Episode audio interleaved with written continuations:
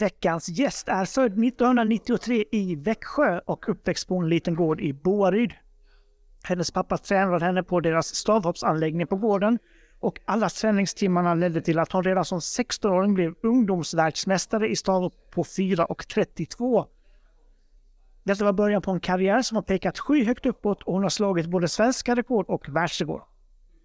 Hon förlorade sitt inomhusrekord på 4,70 till Mikaela Meijer i början av 2019 men tog tillbaka det genom att hoppa 4,81 ett par veckor senare. Senaste uppvisningen hade hon i VM i Qatar då hon efter en dramatisk stavbrytning samlade ihop sig och slog nytt svenskt utomhusrekord på 4,80 vilket gav henne en fantastiskt hög sjätteplats. Och idag sitter vi på kaféet Böna och Mustaschen i Växjö och ska prata om alla livets väsentligheter. Så välkommen till podden Angelica Bengtsson. Tack, tack.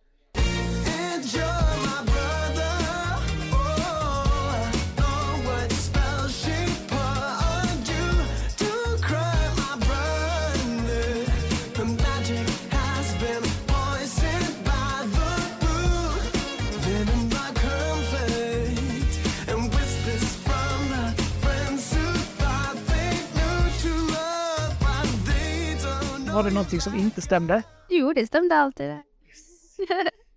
Man måste försöka göra lite research. Jo. Jo, men det är många som tar så här, ja, hon har vunnit ungdoms-SM.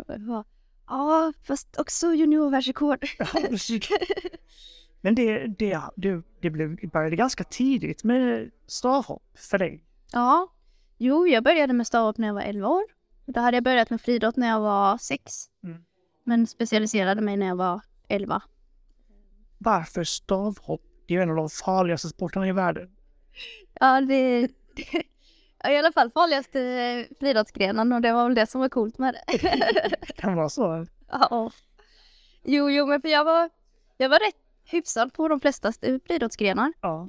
Jag eh, kom alltid tvåa i både 60 meter och längdhopp och sen, sen testade min stora syster på stavhopp. Mm. Så att jag till slut också fick testa på det och då, då, då, då var jag väldigt bra på det faktiskt. Det är som man är bra på det från början eh, eller kan man öva upp det? För det är väldigt mycket rädsla och man ska väl förbi lite mentala hinder och sånt. Ja, i början så är det väl inte så mycket. Ja, jo, jo visst så är det några som faller bort redan från början. Men ja. jag tycker inte att det är farligare än att lämna marken med en sopkvast i handen liksom. Det, det är så man börjar med stav liksom. Ja. och eh, Eh, sen kommer väl rädslorna lite senare. Jag eh, hade en eh, rädsloperiod 2014. Mm. Där jag inte vågade, vågade sätta i staven på ett helt år egentligen, men jag körde tävlingarna. Okej. Okay. För jag, jag, är en väldigt tävlingsmänniska, så när tävlingen kom så visste jag vad jag skulle göra och ja. lyckades ta två stycken EM-brons på det viset. Det är också lite imponerande. Nej, så det är inte förrän efter ett tag som man kan förstå hur konstigt grenen är, kravstiggrenen är. Ja, för det är ändå så. Du ska slunga dig upp fem meter i luften och sen bara landa förhoppningsvis på mattan. Lite så. Lite så. Har du missat mattan någon gång? Ja, jo, det, det händer. Vi brukar ha sådana träningspass där man tittar på hur högt man kan hålla på staven. Mm. Och då, hur man märker att man håller för högt är att man faller tillbaka på ansatsbanan igen. Det låter ju jättebekvämt. Det gör det ju inte. Håller, du håller på en bit över fyra meter upp på staven så ja. det är en bit att landa. Man får göra en ninjarullning när man kommer ner. Jo, man blir ju lite av en stuntman. Ja, vi kan tänka Så eh, hur var VM nu? Eh, med den höjden så hade du ju tagit medalj i i princip alla mästerskap under 2000-talet? Jo, vi har en sån eh, SOK, Sveriges olympiska kommittéer, hade tagit fram en eh, kravprofil över hur stark man måste vara i olika eh, träningsmoment, hur mycket man behöver ta i frivändningar och hur mycket man behöver, eh, hur snabb man behöver vara för att klara 4,80 för att då är man säker på medalj på OS. Så. Det var väl inte på OS visserligen, det kanske var där det felade. Precis. Ja. Nej, det, det brukar vara högre nivå på, på OS, men det har det inte varit de senaste åren. Bara. Men eh, en sjätteplats och det var som sagt, alla hoppade ju väldigt bra. Det var ju många personrekord nationsrekord. Det var jätteroligt att vara där, eh, för det var verkligen fantastiska förhållanden, så det var verkligen den som kan hoppa högst istället för den som kan hantera situationen bäst. Ja. Men och, apropå att hantera situationer så bröt du ju staven faktiskt. Ja. Och sen tog du 480 som att det var det enda du gjort någonsin. Ja, det var fantastiskt. Jag, jag, jag har länge drömt om dagen då jag klarar 480 liksom. Ja. Och vilket sätt man gör det på. Ja, det var fantastiskt. Det förstår jag. Nej men det måste ju mycket mentalt sitter det ju misstänker jag. jo, jo, jo, det... Just den dagen var jag stark. Men får ju bara hoppas att det håller i sig liksom. ja. Vi ska hitta fem frågor till dig. Och jag har en liten app där som du kan trycka på om du vill. Ja, 113. 113 börjar vi med. Jag får hoppas att det är en lätt fråga. När 113. Kan du spela något instrument? Oh ja, det kan jag. Oj! Ja, samtidigt. 2004 så började jag med stavhopp. Började spela klarinett. Jag började brodera. Ehm, så jag spelar klarinett. Klar. Och, Hur, hur bra är du på klarinett? jag vet inte om ni känner till den här eh, eh, Music Academy-skolan i Tingsryd. Mm. Han, eh, rektorn, var min eh, klarinettlärare. Okej. Så jag brukade åka hem till honom och spela. Så ja, han tyckte jag var rätt bra. men, eh, men jag spelade inte överdrivet länge. Jag spelade högstadiet ut och, och men jag spelar fortfarande.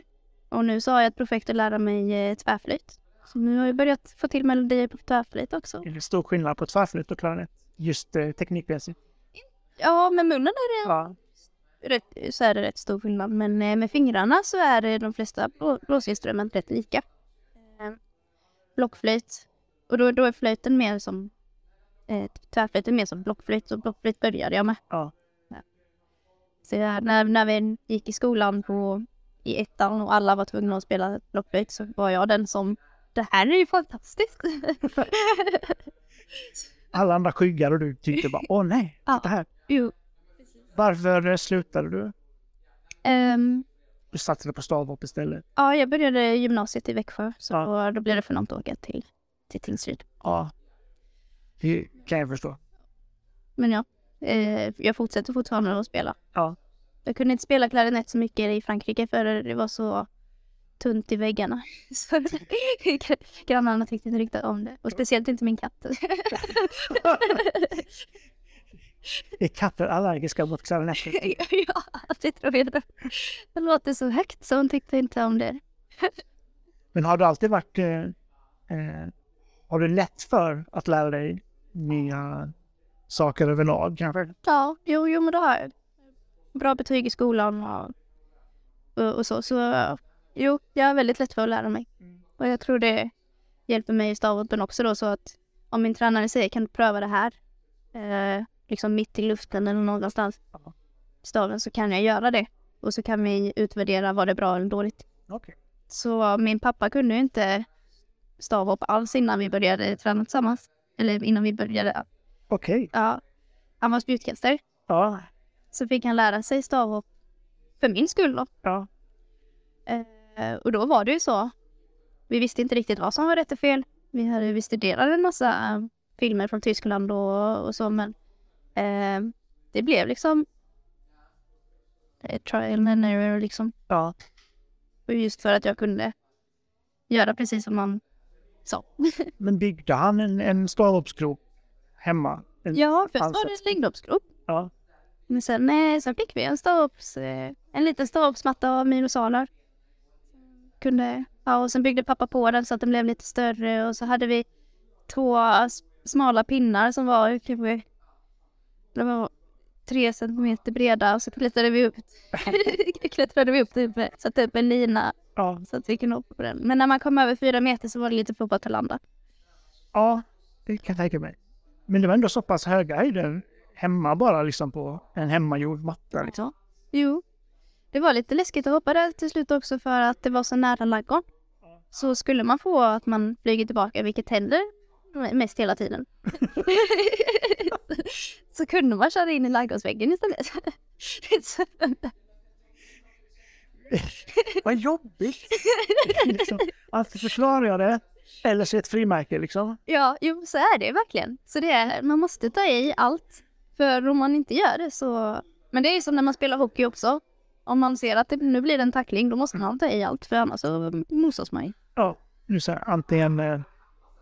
Man måste tro på det hela vägen igenom liksom. Ja, jo men verkligen. Ja, det är fascinerande ändå.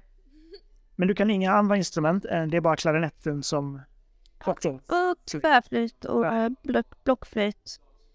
Och så kan jag några låtar på piano så jag kan följa en noter där. Och sen spelade jag för en lärare i gitarr också. Ja.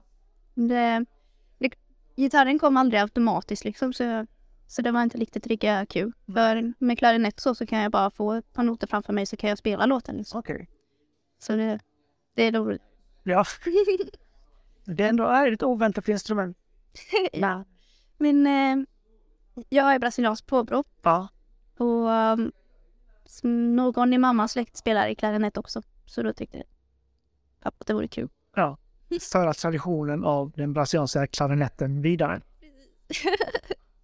Har du någonting du kan eh, luta dig tillbaka på sen när stavhoppningsdagarna är över om 15-20 år någonting och bara, jag ska turnera världen runt med min klarinett. Jag spelade i Pink Chilis. Så vi spelade irländsk folkmusik. så det var nära på nästan att jag åkte till Irland för att spela för dem faktiskt. Ja. Men ehm, nej, jag fastnade inte riktigt för den irländska folkmusiken så jag hoppade av det bandet. ja. Det gjorde du ju rättvist här i efterhand. Ja, jo. Men eh, spela i en orkester hade jag faktiskt velat göra. Ja. Tänk det kommer någon så här, det kommer bud nu utifrån. Som är så åh, Angelica Bengtsson i vår orkester. Det hade faktiskt varit kul. Ska vi se om vi hittar en fråga nummer två? Ja. Ja. 14. Oh. Högt och lågt. Nu ska vi se. Ah, Okej. 14, 14, 14. Det här, om inte du svarar rätt på denna så eh, är intervjun slut. Nej, det är inte. Hur hälsosamt äter du? Uh, ja, jag, jag äter en chokladboll nu. Ja. Men det ser inte folk. Okej, här. En vegoboll. Nej men... en, jag, har perioder då och då där jag inte äter socker. Mm. Men de perioderna blir kortare och kortare. så, det kan vara så mitt under en tävlingssäsong. Jag bara nej, nej nu, nu, nu, nu, nu, nu är jag seriös och så äter jag inte socker liksom. Men ehm, det gick jättebra inför den här juniorvärldsrekorden jag gjorde. Ja. Då hade jag inte ätit socker på två månader. Men uh, uff vad dåligt humör. så, så, jag börjar prioritera livet lite högre nu. så äter inte över. Viktigare med lite socker än att vara på dåligt humör. Ja, det är det faktiskt. Det är... Jag, jag tycker om att ha, ha en sambo. Vad bra. Hur, hur är det inför tävlingar och sånt där? Är det mer strikta dieter eller de säger bara ah, du sköter det självdisciplin? Eh, ja.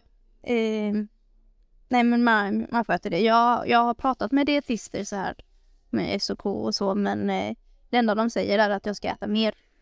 Och, det brukar de säga till de flesta idrottare att det är liksom få i sig mer som det handlar om. Eh, sen har jag själv märkt att eh, blir det för mycket pasta så, så det, det slinker ner så väldigt lätt och väldigt kaloririkt så då, då undviker jag det. Så jag äter liksom om jag vill gå ner i vikt så äter jag tråkig mat. Ja, Så typ ris, lite mindre sås. Men eh, oftast så, så har jag mer problem att få i mig någonting överhuvudtaget. okej. Hur kommer det sig? Jag är inte så fascinerad av mat. Jag tycker det är tråkigt att jag- tugga. Det är nödvändigt ont liksom. Ja. Det är inte tråkigt att tugga. Jo men så vi, vi, vi gjorde en tävling eh, i Berlin, eh, EM förra året. Mm. Jag fick inte i mig någonting, jag fick bara i mig bönor på morgonen. Och sen till slut så hade de chili con carne på kvällen så då fick jag i mig det. Men då bestämde jag liksom, nästa gång tar jag med mig min smoothie muffin för, så att jag slipper liksom. Ja. Det, det låter ju... Det är inte så att det är relaterat till just tävlingar. Det är inte så att du blir nervös utan det är bara tråkigt hela tiden. Jo men det är eh, det är ju att Ja. jag är nervös. Det är lättare att äta när du inte tävlar.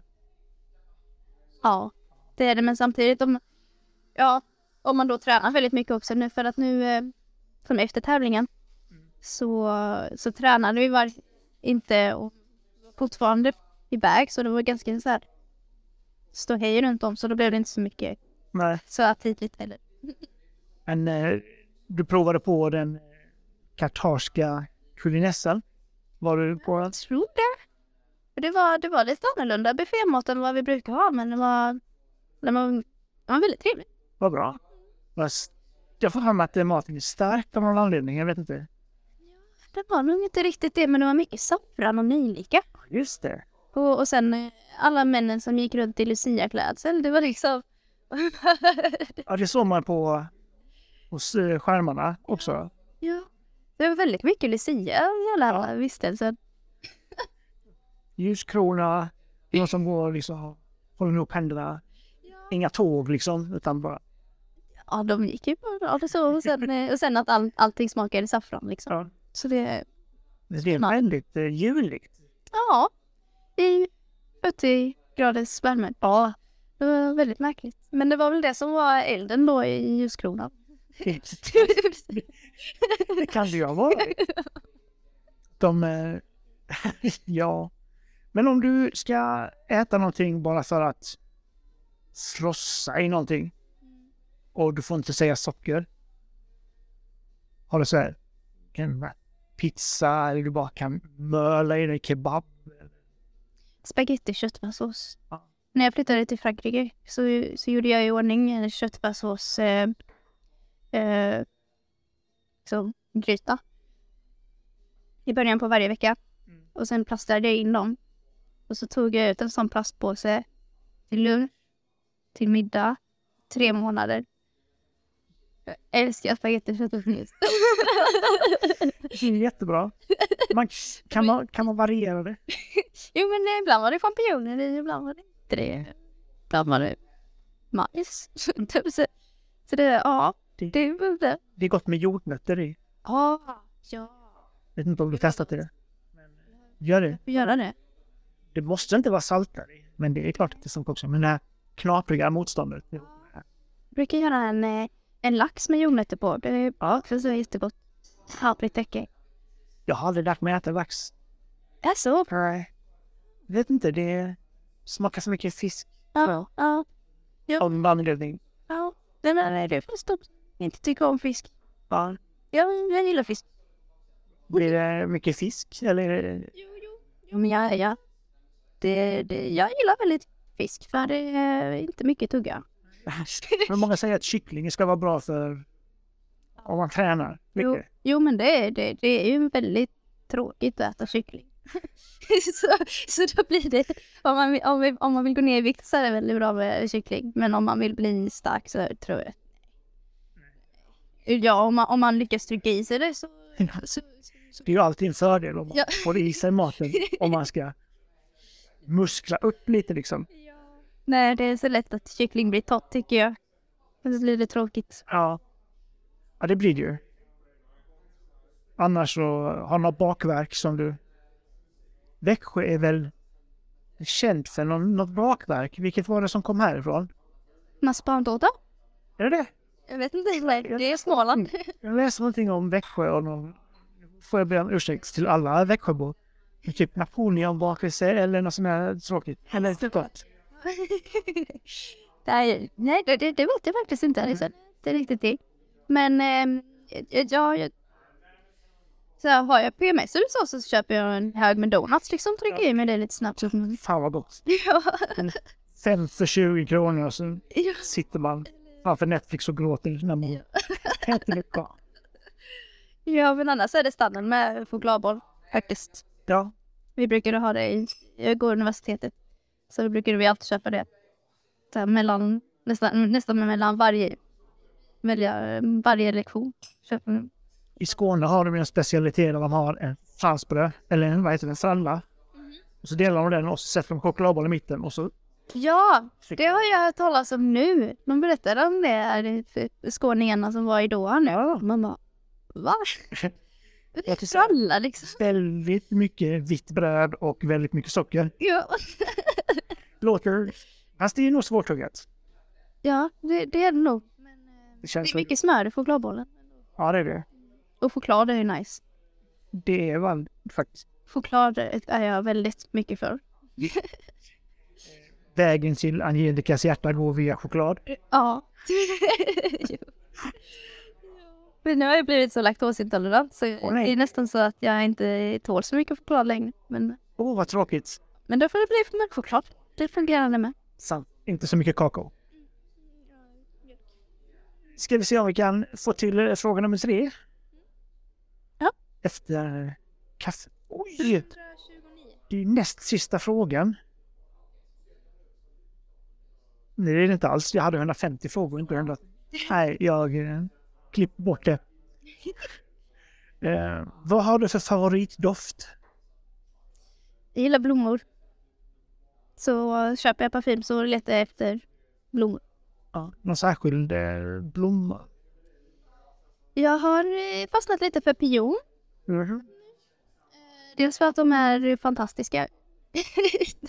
Nej men dels för att de är så stora och jättefina och sen att de heter bondpiol och bondros. Mm. Eh, och jag är uppvuxen eh, på landet.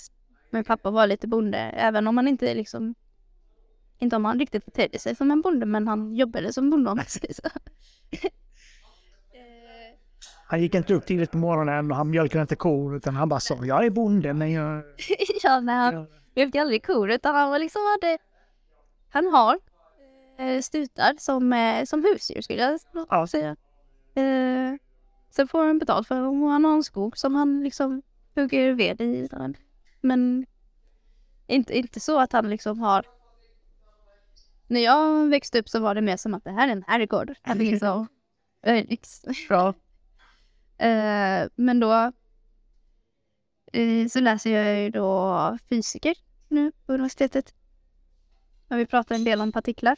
Och det är det jag är mest int- intresserad av. Det fysiken, eh, partikelfysiken då. Och finns det en, eh, en partikel som heter pion.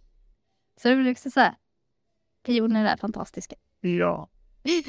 Vad, eh, hur, hur kommer det sig att partikelfysik är ett, det är ett kliv ifrån stavhoppsmarknaden? Eh, ja, det är väldigt mycket mekanik både stavhopp och fysik. Ja. När vi läste, när jag läste fysik här på Procivitas i Växjö så det, det var första kursen som var liksom svår men överkomlig. Typ som kemin kändes som lätt men oöverkomlig. Och matten var liksom den, den, den tog man, det, den var liksom bara som den här. Men fysiken var när man gjorde labbrapporter, man fick verkligen tänka till och sen var det någon labbrapport som jag var den enda som fick MVG på. Så då var det här är min grej. Och sen åkte vi till, eh, vad heter det? På skolresa till eh, CERN Ja. i Genève. Och det var också så här, var helt fantastiskt. Så jag, det, det har blivit en liten, en liten dröm att åka, åka dit och bara göra nytta. Var du inte nervös? För de pratar ju alltid om att det ska kollidera materia och explodera hela jorden i deras tunnlar. Jo men det är det också att eh, när jag gick på mellanstadiet så var det det. Och vi var rätt nervösa. Ja. Så, eh, så, så det, det är väldigt häftigt. Ja. Men nu, nu, vet jag ju hur det fungerar med det där och att eh, vi kom inte upp i de energierna att ett svart hål skulle vara Nej. farligt och det, det blir så svarta hål i vår atmosfär hela tiden bara att de är så små så att de dör ut liksom. Vad, ehm, vad, är, vad är planen med fysiken? Då? Är det något du vill jobba med då misstänker jag?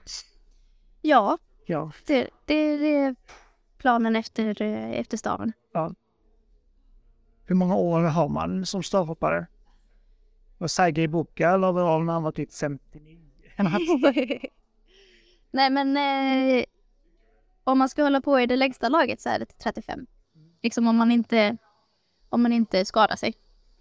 Så är det 35. Det finns de som har hållit på längre. Ja. Eh, de flesta kortare tid. Men om man inte skadar sig så kan man hålla på till 35. Liksom.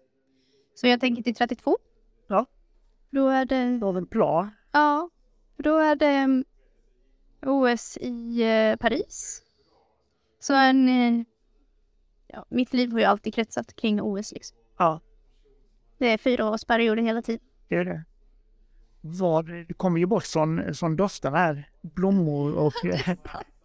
eh, att vara uppväxt på en gård är också väldigt doftspeciellt på något sätt. Hö och... Men det var ingen sån gård, nej. Eh, jo, jo, det var stor gård men det har nog inte varit så väldigt mycket blommor. Det, det har varit mer fruktträd och stora gräsytor. Det har varit, Har ni pioner hemma i gården? nej, inte det heller faktiskt. Men jag fick en pion nu av min syster i, i födelsedagspresent. Hon hoppar också stav ett tag. Ja, jag har fyra systrar. Oj, Den, min äldsta har stött kula. okej. kom eh, tre, trea på ungdomsfinkampen. Det var hennes största merit och sen eh, nummer två hoppade stav då på fyra meter. Det var, det var jättestort. Eh, och på den tiden hon kom tvåa på nordiska. Mm. Så hon, hon var riktigt duktig. Ja, ehm, sen eh, tre kastade slägga. Sen kom jag och sen min eh, lilla syster hon, eh, hon satsade på skolan men hon, eh, hon var triathlon, eh, Okej. lite mer så. Väldigt eh, spritt. Ja, jo men det, jag tycker det är det som är så fantastiskt med friidrott och sport i allmänhet. Att man kan liksom man kan hitta sin grej. Ja. Eh, Men då, då det, har, det alltid varit en, en idrottsfamilj? Din pappa var spjutkastare. Var din mamma något idrottsintresserad? Hon simmade i skolan Ja. i Brasilien. Eh, men eh, inte, inte, tyckte inte det var kul. Hon gör det bara för att hålla sig vid ytan liksom. ja, nej. Hon gjorde det för skolans skull för hon, Ja. var, hon var, så, var så bra.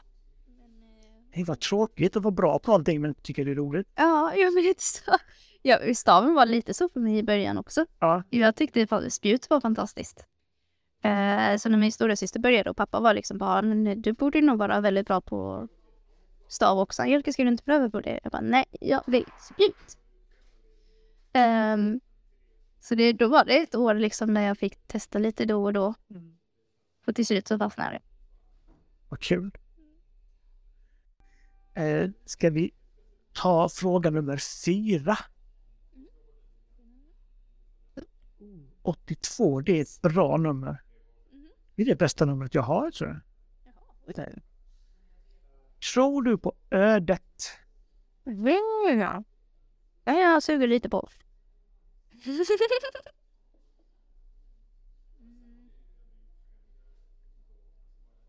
det, det varierar. Nej. Hur då? För ibland känns det som att... Eh, nej men typ som eh, anledningen till att jag klarade det här eh, hoppet nu på i Doha. Mm. Det är ju på grund av sånt jag upplevt tidigare. Typ att min stav försvann direkt efter eh, jag bröt staven. Ja, just det. Det, det hade jag gjort för en annan för två veckor sedan Okej. i Vitryssland. Eller ja, tre veckor sedan blir det då. Ehm, och det, det har jag aldrig varit med om förut. Och jag vet hur jag kände liksom när jag Ja. råkade göra det här mot min konkurrent som också skulle hoppa på 80-85 och vinna tävlingen. Ja. Ehm, eh, och jag skämdes så fruktansvärt. Och jag fattade inte hur jag kunde tagit hennes dag för att hon hade lite så här svart tejp på, mig, på henne som jag inte hade på min. ja. Verkligen förstod inte hur det kunde hända. Ehm, Medan hon gick fram till mig och liksom kysste mig för att hon fick mer eh, energi till att köra sitt, Ja. sitt hopp, så hon klarade det. Ehm, hon var från Ryssland då. Och så när det hände nu då i, i Doha, då var jag liksom, jag vet exakt hur hon kände, Ja. fransyskan som gjorde det. Så jag gör ingenting ont mot henne. Nej. Och eh, jag visste att det gick att klara efter det. För ryskan gjorde det. Och det här med att jag bröt staven överhuvudtaget. Då såg jag en, en polack tidigare i sommar som gjorde samma sak. Okej. Han bröt den och så klarade han och jag tyckte det var helt fantastiskt. Och, och så. Men sen så bröt han väl staven på ett ställe som gjorde att det var inte alls lika farligt om man säger så. Nej. Eh, men eh, nyligen så har jag väl liksom sett alla de scenarierna. Ja. Och då känns det som att jag såg de scenarierna för att jag skulle få till det här. Ja. Och ehm, ja, nu så, så har man eh, träffat folk med gamla, samma intressen som en själv och man har ju de intressena som för att man har varit med om fan, tidigare saker. Det, Livet på något sätt styr den. ja, ja, det känns så... Det känns som att det, säcken knyts ihop liksom. Så det... Ja, Är det ödet eh, genomsyrar det hela livet i alla aspekter då tror du? Så- ja, nej men typ med kärlek då. Där tror jag nog inte riktigt på ödet.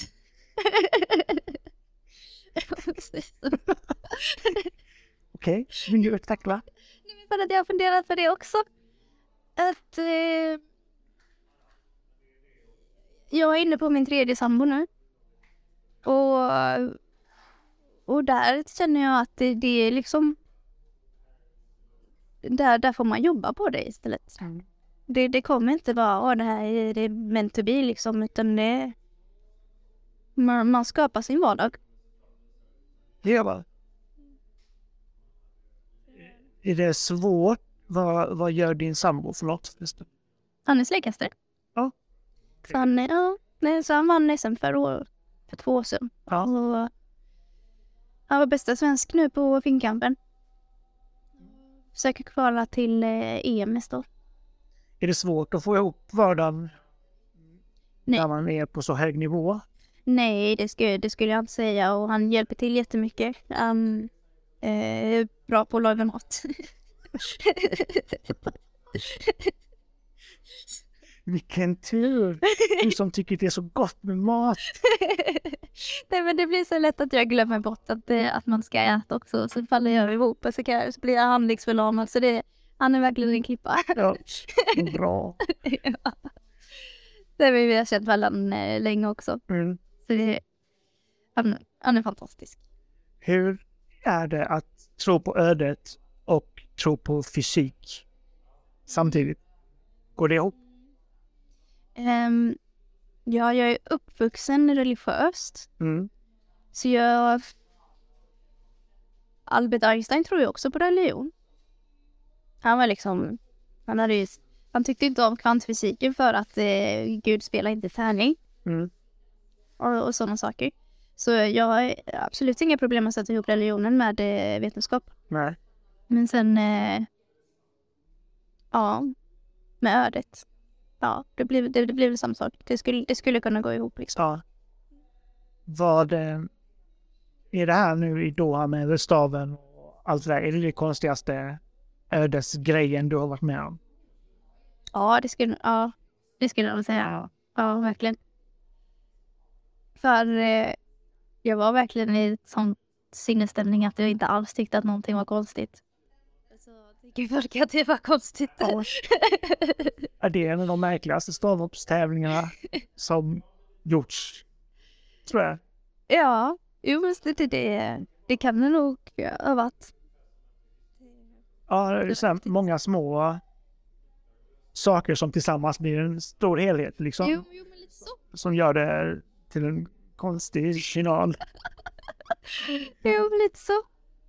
Jag skulle vilja se he- hela, jag skulle vilja se hela tävlingen så på, på tv. Mm. För jag har bara sett klipp än så länge. Typ precis när jag bryter staven eller precis när jag klarar. Men jag har inte sett det här eh, mellantinget där det liksom bygger upp till att jag till slut klarar. Nej, Och jag tror nog att det kanske är där det ligger. det, de filmade dig ett tag när du hade staven, den brutna staven i händerna. Och du satt och försökte pussla ihop den. Eller du gick och så försökte, sådär, försökte sätta ihop delarna på något sätt. Men de misstänker att du inte riktigt vet exakt vad du tänkte där. Jo, jo, jo, det vet Va? jag.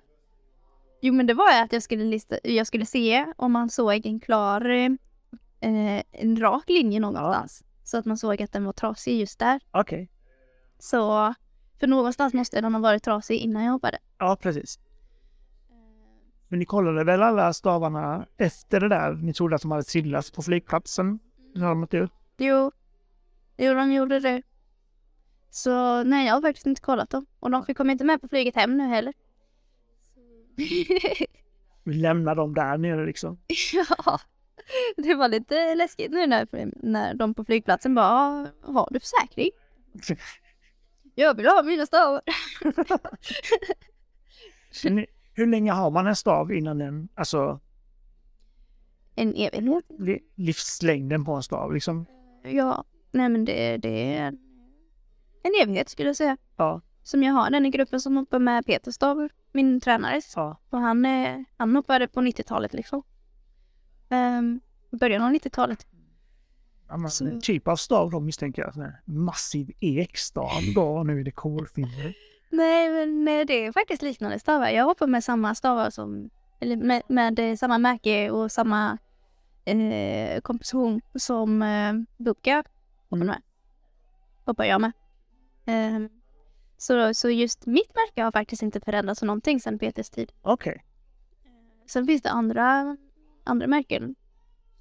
Sverige har ett märke Nordic som, eh, som jobbar jättemycket med att utveckla sina stavar och hitta på nya eh, hitta på. Men det är fortfarande att eh, de allra flesta hoppar med de som Bubka och Mm. Eisenbayer hoppade med. Världsrekordhållarna. När jag eh, gjorde lite eh, forskning runt det här innan vi skulle ses. Så det är ganska... Världsrekorden, de håller väldigt länge på samma person hela tiden. Ja. Vad- hur, hur kommer det sig? Jo men det, det blir nog lite sån om... Eh, ja man säger det att eh, om någon bryter barriären så kommer liksom folk efter där. Ja, Mm. Och, och är man då som person att man eh, har inga problem med att bryta barriären själv så blir det lätt den personen som gör det. ja, Som innan jag tog svenska rekordet så var den på 51 ja, just det. och sen har jag höjt den till 80 nu då. Inomhus så var den 40 och jag har höjt den till 81. Ja, Procentuellt är det rätt styrt. ja det är det ju.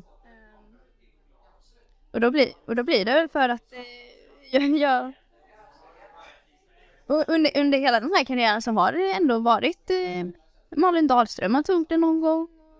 Eh, Mikaela tog den då som du nämnde i, i våras och förra året. Eller för sedan också. Så har det varit några som har kommit och liksom nafsat åt sig men eh, jag som person kan ju inte bli slagen. Men kommer du att slå lite rekord hela, hela tiden nu tror du?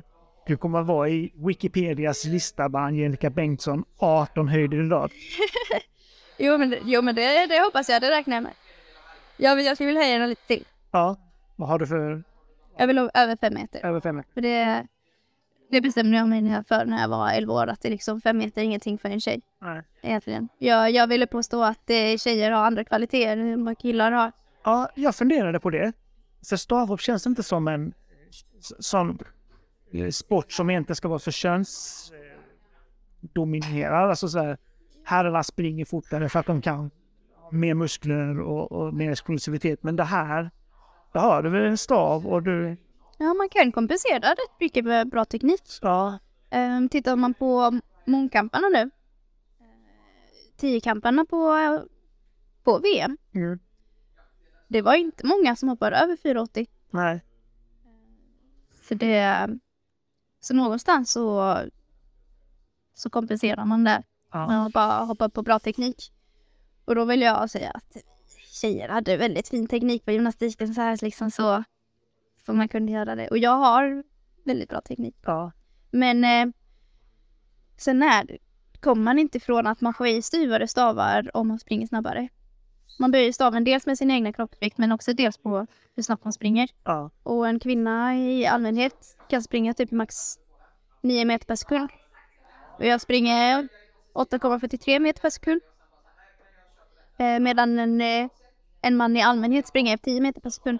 Och det är en väldigt stor, det är en väldigt stor skillnad. Så då om man kan få ner eh, om man kan böja en mycket styvare stav än vad kroppsvikten ger så flyger man högre. Så män i allmänhet flyger en meter över vad de håller på staven. Medan en kvinna som högst flyger 70 centimeter över sin... Okej. Eh, och så kan man inte ha så långa stavar heller. Nej. Så det blir ändå... Det blir ändå skillnad. Så här, hur lång är det? Fem meter? Fyra meter? Långa? Eh? Stavar är 4,50. Um, 4,45. Så jag håller på 4,25 och sen är gropen eh, 20 centimeter djup. Så jag håller egentligen på 4,05 då. Mm. Så hoppar jag 80 så 75 centimeter. Flyger jag. Och det, det är i... Det är i klass med vad världskordhållaren eh, hade. Vad ligger världskort på? 5,06? 6. Ja. Det är inte Så- omöjligt. Nej, nej det är det inte. Och det är inte så mycket teknik då som jag har att förbättra utan det är, eh, det är fysiska kvaliteter. Och jag har utvecklats väldigt mycket på fysiska kvaliteter på sistone. Mm. Jag, jag tror att det är mycket lättare att bli fysiskt bättre än att ändra teknik. Ja. Speciellt i min ålder. Ja, du är inte så gammal. Eller? ja, eller mer tvärtom tänkte jag.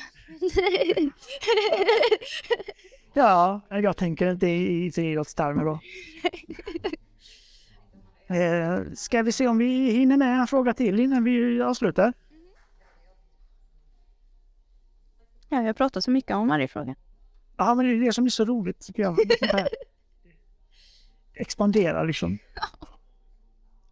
Så eh, ett sista tryck. Fem? Oh. Då går vi till fråga nummer fem. Och oh, en av de nya frågorna jag har skrivit. Oj. Väldigt spännande.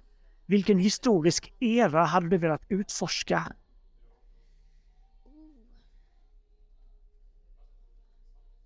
Jo, men eh, den här musiken som vi lyssnar på nu. Um,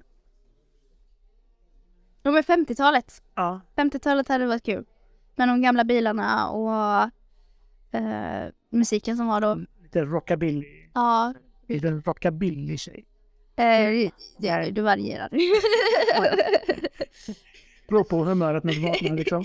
ja, jag var lite så där. Just nu så är jag inne i en skinnperiod, skinnjacka och skinn, allting, allting Ja. period. Så ja, nej, men motorcykel. Lite så. Ehm, men jag, jag är väldigt gammaldags av mig. Ja. Då. Är det den musiken som går hemma eller är det Ja. blandat? Jo, hade det. eh, Speciellt när jag bodde hos mina föräldrar fortfarande så var det väldigt gammal musik. Det var liksom Gold FM och så vinyl. Det är bra. Ja. Vinyl är sin. Vad, om, har du någon sån här låt i, som du peppar till? Mm. Eh, Jo, men om jag någon gång under träningspass eller en tävling blir lite rädd så blir det I'm so excited. Pointer Sister. det är liksom, det är pepplåten. Man liksom övertalar sig själv om att, Ja. att det är kul. Vad roligt. Oväntad pepplåt. Fast, ja, kanske inte. Lite den. ja, så. Så, så den, den sjunger jag högt när jag står på ansatsbanan. Ja, Då blir det, ja, mina, mina träningskompisar blir lite så, fast de hör mig sjunga hela tiden. är, det, är det mycket så? Ja, ehm, Jo men för det allra bästa är att inte tänka överhuvudtaget Ja. när man, när man hoppar. Kanske tänka på någon liten teknisk detalj. Eh, men eh, i allmänhet inte tänka överhuvudtaget. Men har du något eh, särskilt sådär? Sitter du själv eh, innan du går ut på banan? Eller eh, vill du omge dig med folk? Eller En direkt preferens. ingenting? Du bara ut och kör liksom? Ja. Jo.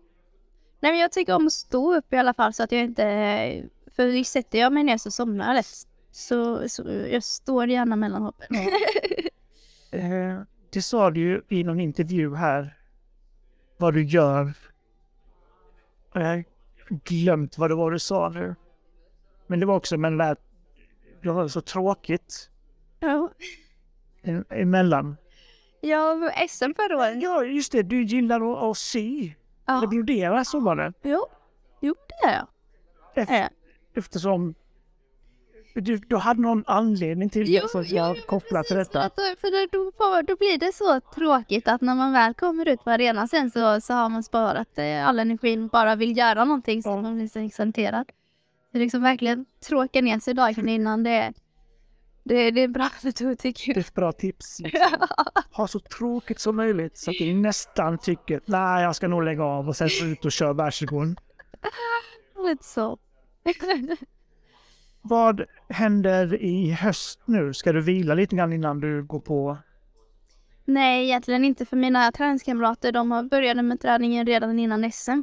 Ja. De är yngre än jag. Så de är... Jag körde varken SM eller VM.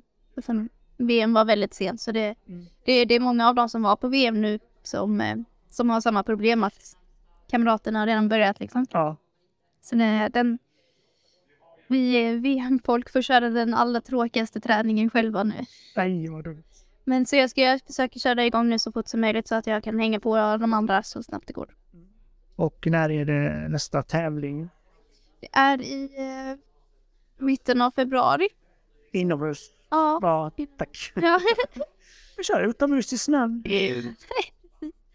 Nej, så då blir det SM på hemmaplan. Ja. Det kommer vara helt fantastiskt. Är det här i Växjö?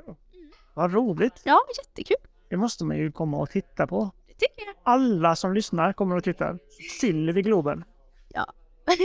ja, Det- telekonsulter. Ja, samma sak. Tack för att du ville vara med. Och eh, jag hoppas att det går bra med träningen. Kan inte säga lycka till i SM för det är så långt borta. Lycka till med träningen i alla fall. Ja, tack. Det har varit jättekul. Vilken tur! Så att du inte har suttit och lidit igenom hela. Så bara lätt för sakens skull. Det kan man göra. Eh, Sköt om dig. Ha det bra. Hej då. det sa jag. And you're the hot brother, brother, or careful boy, dog or what spell shakes what I ought to do. Croak, my brother, that one great.